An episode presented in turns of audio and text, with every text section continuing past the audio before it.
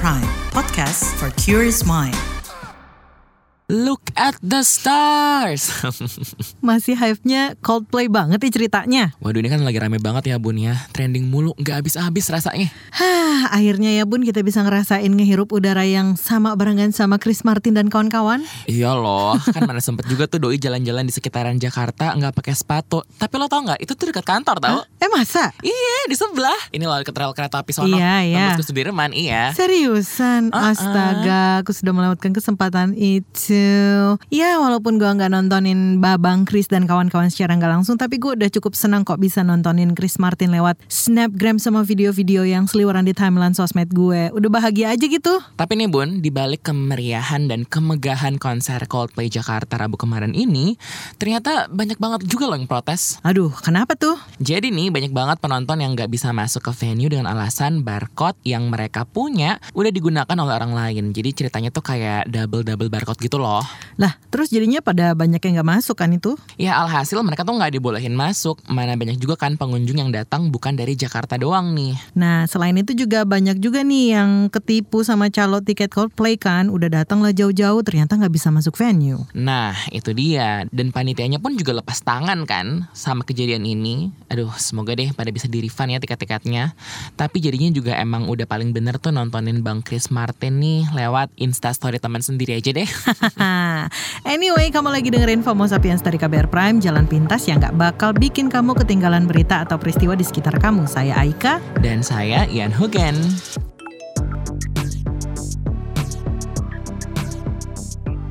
Kenapa lu bun? Kayaknya kecut banget muka dari tadi. Ini loh bun, gue tuh abis liat berita pelecehan seksual lagi. Kan suka geram tuh ya kalau setiap ngeliat berita gituan.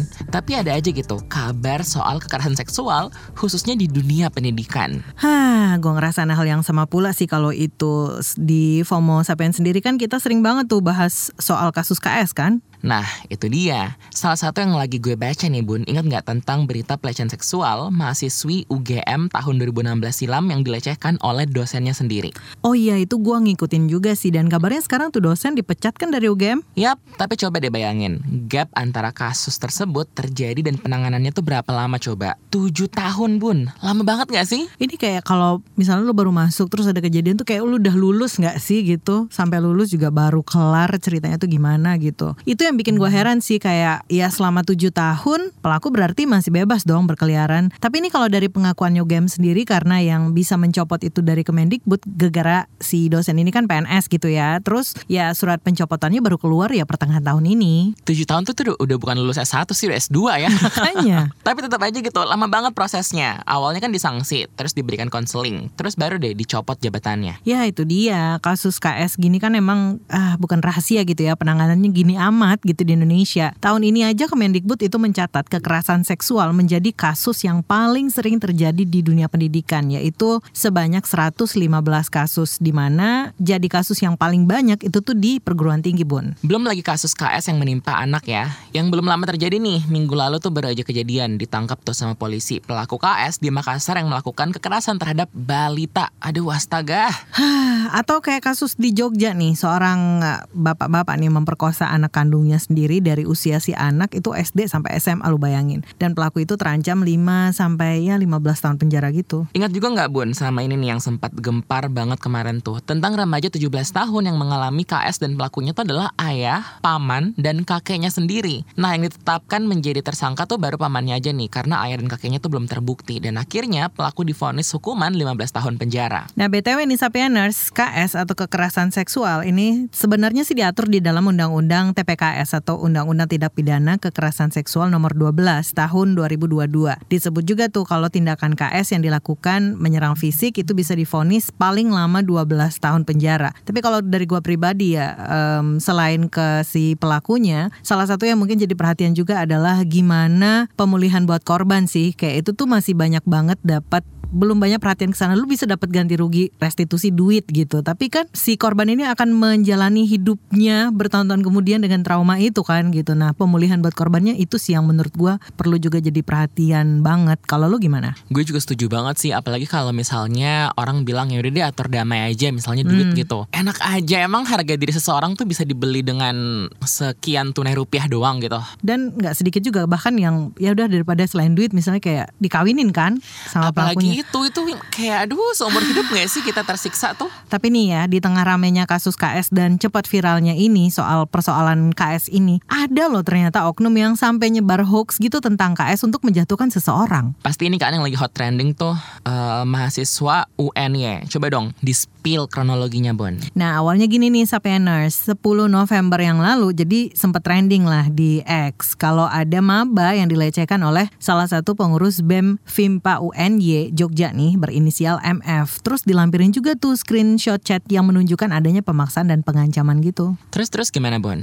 Nah, yang dituduh sebagai pelaku itu melaporlah ke pihak kepolisian dan akhirnya terbukti kalau ternyata dugaan pelecehan itu hoax alias berita bohong. Aduh ini jadinya yang terduga pelaku nih ternyata adalah korban. Dan terduga korban malah jadi pelaku gitu ya. Dan ternyata nih usut punya usut si penyebar berita pelecehan hoax ini tuh alias RAN, R-A-N Itu tuh sakit hati gara-gara si RAN ini dan MF ini kebetulan mendaftar suatu komunitas yang sama. Tapi si RAN ini pun ditolak dan MF ini diterima. Nah, itu dia. Gegara sakit hati berujung malah nyebarin berita palsu gitu. Apalagi kasus KS ini kan sensitif banget gitu ya. Dan netizen sekarang tuh gampang banget itu kalau kesulut gitu loh. Kalau ada berita soal KS.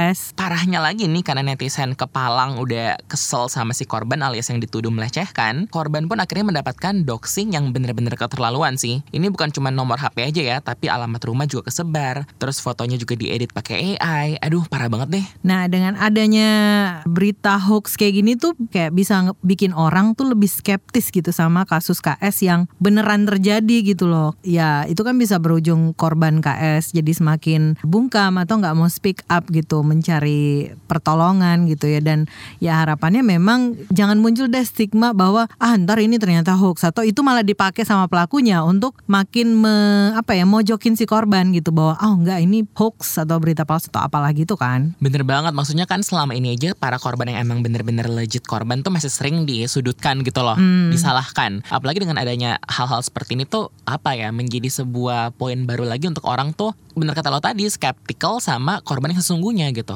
Hmm.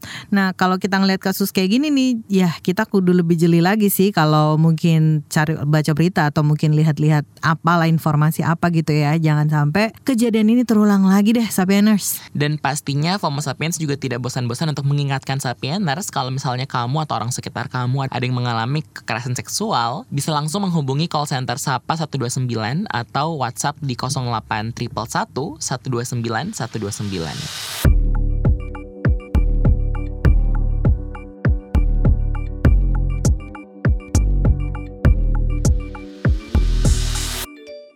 Sapieners kemarin Selasa tuh pada ini gak sih mantengin kocokan nomor nggak? Arisan kali ah, pengundian nomor urut Capres Cawapres 2024 kan maksud lo? Iya, ini kan FYI nih. Hasilnya tuh pasangan Anies Muhaimin dapat nomor urut 1. Dilanjutkan Prabowo Gibran nomor urut 2 dan Ganjar Mahfud nih nomor urut 3. Nah, muncullah tuh berbagai respon dari tim pemenangan masing-masing kandidat. Tim Amin mengatakan bahwa urutan ini berharap jadi tanda yang baik dan menang dalam satu kali putaran. Oh, I see. Terus kalau dua tim lainnya gimana tuh? Ya kalau Capres Gibran Raka Buming Raka kan terlihat tuh memberikan finger heart dan membawa pesan bertuliskan gemoy. Hmm, Sementara Capres Ganjar Pranowo menyebut jika nomor 3 sesuai dengan sila ketiga Pancasila yaitu Persatuan Indonesia sehingga harapannya nih semua bisa bersatu terutama dalam proses politik tersebut. I see. Tapi BTW nih ya, tahapan Pilpres itu kan akan berlanjut nih dengan persiapan menuju masa kampanye yang dimulai, aduh nggak sabar lagi dua pekan lagi nih Sapieners, tepatnya 28 November. Masa kampanye bakal berlangsung 75 hari sampai 10 Februari 2024, dilanjut masa tenang 11 sampai 13 Februari, terus hari H coblosan deh. Wah, kita pasti kudu makin aware ya dengan informasi seputar pemilu nih. Utamanya sih makin rajin mantau dan jeli mengenal program kerja para kandidat capres-cawapres ya demi menetapkan pilihan swipe right eh coblos maksudnya. Nah, nunjukin dukungan untuk kandidat tertentu adalah hal yang wajar-wajar aja sih menurut gue gitu ya. Caranya kan beragam juga tuh entah mulai dari postingan medsos lah, uh, pakai kaos partai yang tipis dan gerah itu gitu ya. Atau mungkin foto pose gitu dengan jari-jari yang associate sama kandidat tertentu. Tapi kayaknya kalau gue karena bagian dari media kudu hati-hati banget nih jangan sampai kelepasan nih pose jari yang melambangkan satu dua atau tiga gitu bun. Yang jelas-jelas kudu netral sih sebenarnya ASN ya, wajib hmm. nih hukumnya. Hal ini kan emang diatur dalam surat keputusan bersama nomor 2 tahun 2022 tentang pedoman pembinaan dan pengawasan netralitas pegawai aparatur sipil negara dalam penyelenggaraan pemilihan umum dan pemilihan. Salah satu larangannya adalah nggak boleh nih berpose pakai jari yang berpotensi menunjukkan dukungan kepada calon yang dipilih. Nggak tanggung-tanggung nih sama nurse, ada 10 pose terlarang dalam tanda kutip gitu ya bagi ASN. Kayak pose membentuk simbol hati sarange gitu kan, atau pose dengan jempol ke atas, pose jari tangan berjumlah tiga, terus pose dengan jari metal, pose tangan berbentuk pistol, pose, pose tangan dengan mengangkat telunjuk atau pose tangan angka dua, pose tangan membentuk telepon gitu, atau pose nunjukin angka lima, sama pose membentuk simbol oke dengan tiga jari diangkat. Itu juga nggak boleh. Banyak bun. Banyak banget ya pose-pose terlarang ini. Jadi pose yang dianggap netral itu adalah pose menangkupkan kedua jemari membentuk simbol hati dan pose mengepalkan tangan. Ini fix um, ini sih pose bapak-bapak ya. Ember. Atau ini kali ya, kalau empat tuh kayak empat mungkin netral, tapi ada juga sih yang bilang bahwa pose kayak empat jari tuh uh, termasuk yang abu-abu gitu. Atau buat ASN sih emang lebih ketat ya, nunjukin simbol atau atribut parpol juga dilarang sih. Masalahnya ini ada sanksi menanti kalau misalnya aturan itu dilanggar, mulai dari sanksi ringan kayak kantor tempat ASN bekerja berhak mengumumkan kesalahan yang dilakukan secara tertutup atau terbatas di dalam instansi tersebut atau bisa juga kena sanksi berat berupa penurunan atau pembebasan jabatan serta pemberhentian dengan tidak hormat atas permintaan sendiri. Wah, sanksinya sih nggak main-main sih ya. Tapi yang penting mah gimana penerapannya ya nggak sih? Selain ASN kan penyelenggara pemilu kayak KPU, Bawaslu ini kan kudu menjaga netralitas pemilu nih. Gimana dong tuh? Nah, mending kita langsung aja nih bahas barang pengamat komunikasi politik Henry Satrio. Kita ngomongin soal netralitas pemilu nih yang lagi rame kan perkara soal ini ya. Udah muncul nih pose-pose terlarang nih buat ASN gitu kan. Nah, kalau menurut Mas Hendri sendiri sebenarnya apakah menjaga netralitas pemilu tuh efektifkah gitu cukup dengan nggak berpose jari-jari itu gitu atau apakah itu cara yang tepat atau sebenarnya ada cara lain gitu yang lebih efektif? Jadi gini loh, netralitas itu dalam rangka apa? Apakah netralitas itu tidak boleh mempromosikan atau tidak boleh memilih gitu? Tapi kan kalau tidak boleh memilih kan justru menyalahi undang-undang kan? Hmm. Memilih kan harusnya nggak apa-apa tuh buat ASN. Nah makanya sebetulnya yang diinginkan tuh apa sih dari netralitas itu? Netralitas itu artinya tidak mempromosikan atau maunya gimana gitu? Itu yang menurut saya sih masih apa namanya masih sumir ya. Kalau memang harus netral ya maka dari atasnya dong netral juga gitu. Ini kan dari atasnya peraturan ASN itu mereka cuti aja. Jadi memang sulit mbak membuat hal-hal yang ada terkait dengan netralitas sementara dari atasnya sendiri kan nggak netral, anaknya ikutan. Hmm. Jadi kalau gimana tuh mau netral diikuti oleh rakyat gitu? Kalau dari keadaan kondisinya saja memang sudah tidak netral gitu. Waduh, ini sebenarnya um, sebuah jawaban yang menarik ya, karena tadi katanya dari atasnya aja udah nggak netral. Karena menyambung ke pertanyaan berikutnya nih, selain ASN, penyelenggara pemilu kan kudu menjaga nih netralitas. Menurut Mas Henry sendiri, apakah sejauh ini netralitas itu masih terjaga? Sulit ya. Sejak ada anak penguasa ikut di dalam kompetisi maka netralitas akan sulit ada gitu. Kenapa demikian? Karena di Indonesia pemilu itu yang menentukan pemenangnya kan bukan rakyat. Pemilu itu yang menentukan pemenangnya adalah tukang hitung. Hmm. tukang hitungnya bagian dari pemerintah. Jadi kalau kemudian sulit sekali dicitrakan atau keinginan netral itu ada ya wajar gitu. gitu karena ya itu tadi netralitas itu kan harus dimulai dari kesetaraan ya. Pesertanya aja udah nggak setara. Jadi ada yang diuntungkan Jadi ya sulit gitu kalau kemudian meminta ASN untuk netral. Nah, pertanyaan selanjutnya adalah netralitas itu ke mana sih? Netralitas itu mendukung calonnya penguasa atau boleh bebas gitu. Kalau ternyata netralitasnya diterjemahkan mendukung calonnya penguasa kan bukan netralitas namanya. Jadi kata-kata netralitas itu sendiri menurut saya sih masih menjadi hal yang bisa diperdebatkan, Mbak. Tapi kalau per hari ini sih saya agak kesulitan meyakini bahwa pemilu itu akan uh, netral. Misalnya ya, salah satu capres mengatakan begini, ya laporkan saja bila ada kecurangan. Itu mau lapor ke mana? Mau lapor ke bapaknya. Jadi memang agak agak sulit netralitas itu dibangun. Maka yang bisa dilakukan adalah untuk membuat pemilu ini hasilnya lebih baik, lebih bagus itu adalah pendidikan politik buat rakyat Indonesia. Sehingga rakyat itu pada saat memilih ya mudah mengerti calon-calonnya dan yang paling penting adalah demokrasinya benar-benar ditegakkan. Walaupun lagi-lagi ini sulit sekali posisinya Indonesia saat ini karena baru kali pertama pasca reformasi ada presiden yang masih berkuasa anaknya ikut serta. Kalau kita belajar dari pemilu-pemilu sebelumnya nih, Mas Hendri, gimana sih netralitas pihak-pihak terkait ini bisa mempengaruhi jalannya pemilu?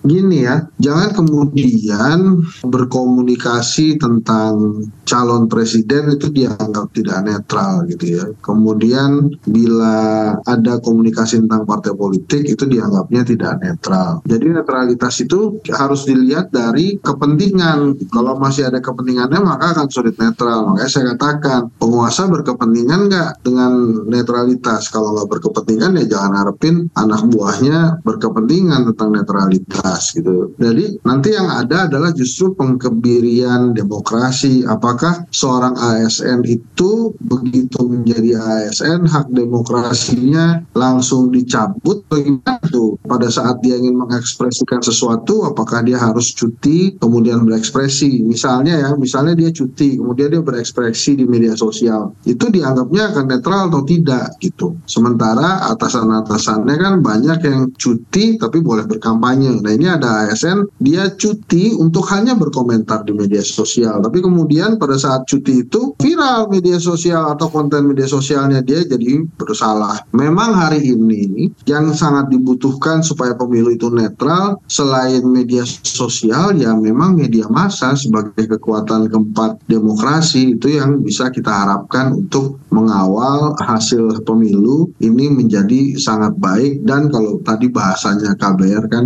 netral ya hmm. gitu kira-kira mbak sanksi yang ada tuh menurut Mas sendiri nih apakah sudah cukup efektif gitu untuk untuk menindak pelanggaran netralitas ini? Formalitas aja gitu ya formalitas atau tidaknya kan kita nggak ada di sana. Tapi kalau kemudian pelanggaran-pelanggaran itu pun akhirnya masuknya kalau saya lihat dari berbagai liputan media massa, akhirnya itu terperangkap dengan subjektivitas pimpinannya kan tentang hukuman atau punishment itu. Jadi kalau kemudian misalnya nih ini mohon maaf kalau saya salah ya, ada atasannya ASN yang ingin cepat naik jabatan dengan cara menjilat atasannya supaya dia bisa naik jabatan salah satu proses penjiladannya itu adalah hukum ASN di bawahnya yang menurut dia tidak netral. Nah itu kan jadi repot tuh kalau misalnya digunakan sebagai alat politik netralitasnya. Peran kita sebagai para pemilih nih untuk turut mengawal pemilu ini supaya uh, bisa ya walaupun netralitas tuh sulit gitu ya kayak sekarang kondisinya gitu. Tapi gimana sih peran kita nih berperan aktif pemilih ini untuk turut mengawal pemilu banyak sekali yang bisa kita lakukan. Yang pertama adalah kita benar-benar menggunakan kalau bahasanya Bung Karno tuh budi nurani kemanusiaan dalam memilih pemimpin kita nanti itu yang pertama. Yang kedua adalah pada saat kita memimpin itu kita tidak hanya memimpin buat hari ini, memilih pemimpin buat hari ini, aturan apa lagi yang akan diubah oleh penguasa yang memang sudah dari awalnya sulit sekali dianggap netral dan tidak melakukan permainan permainan perubahan undang-undang itu Mbak.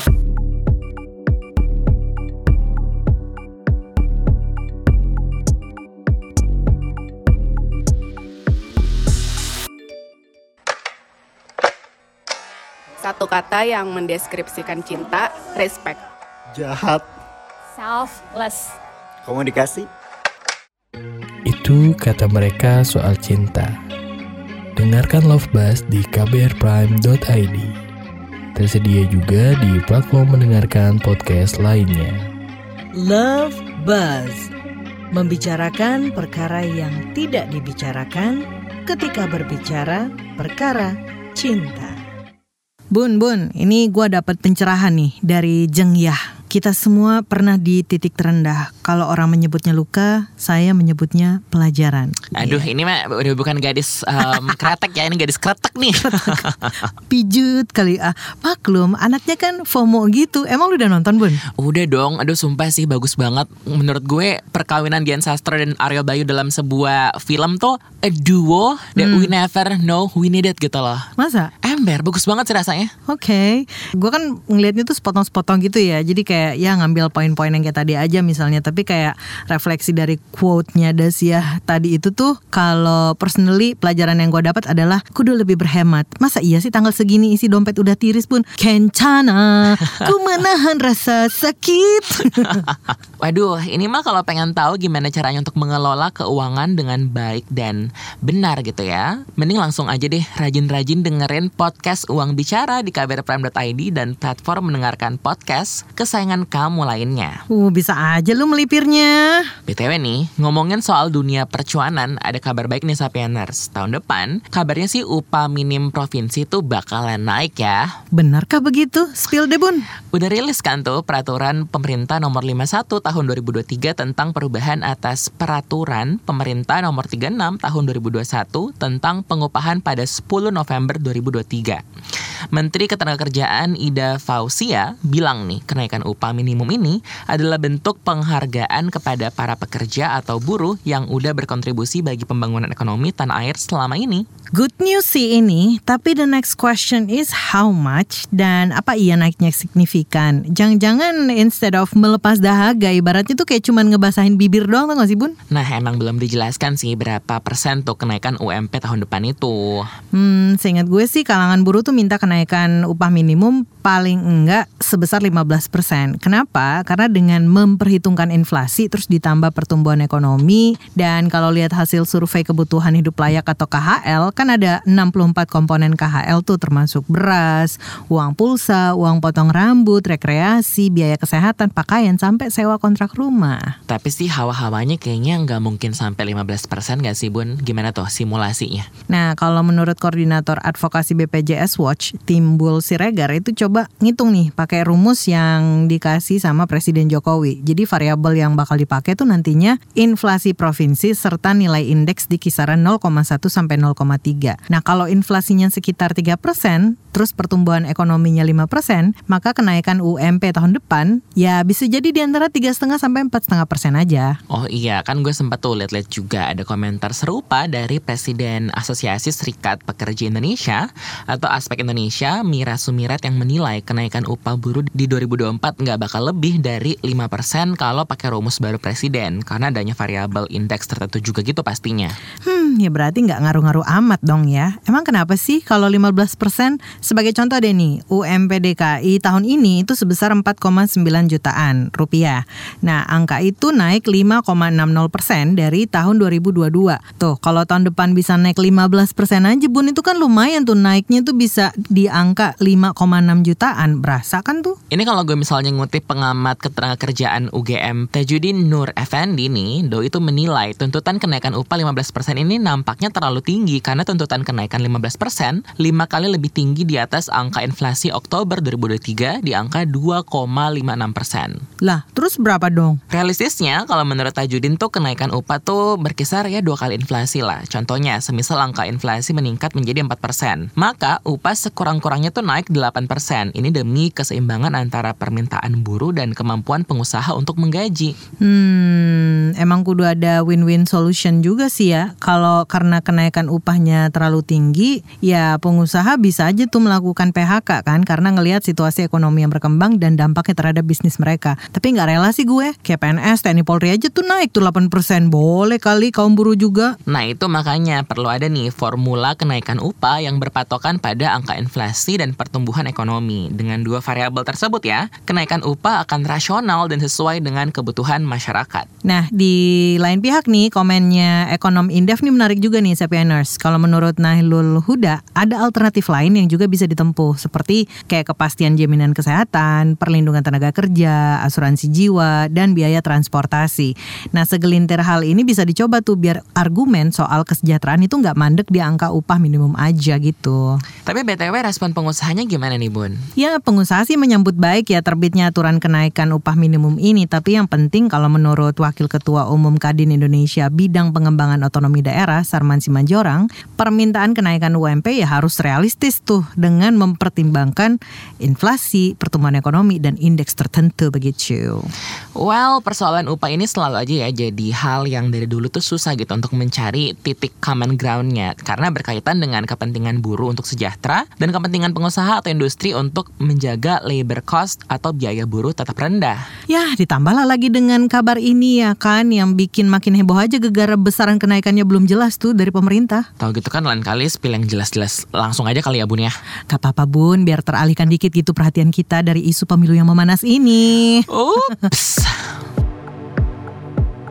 Itu dulu buat pekan ini, saya Huken. Dan saya Aika, sampai ketemu pekan depan. Bye.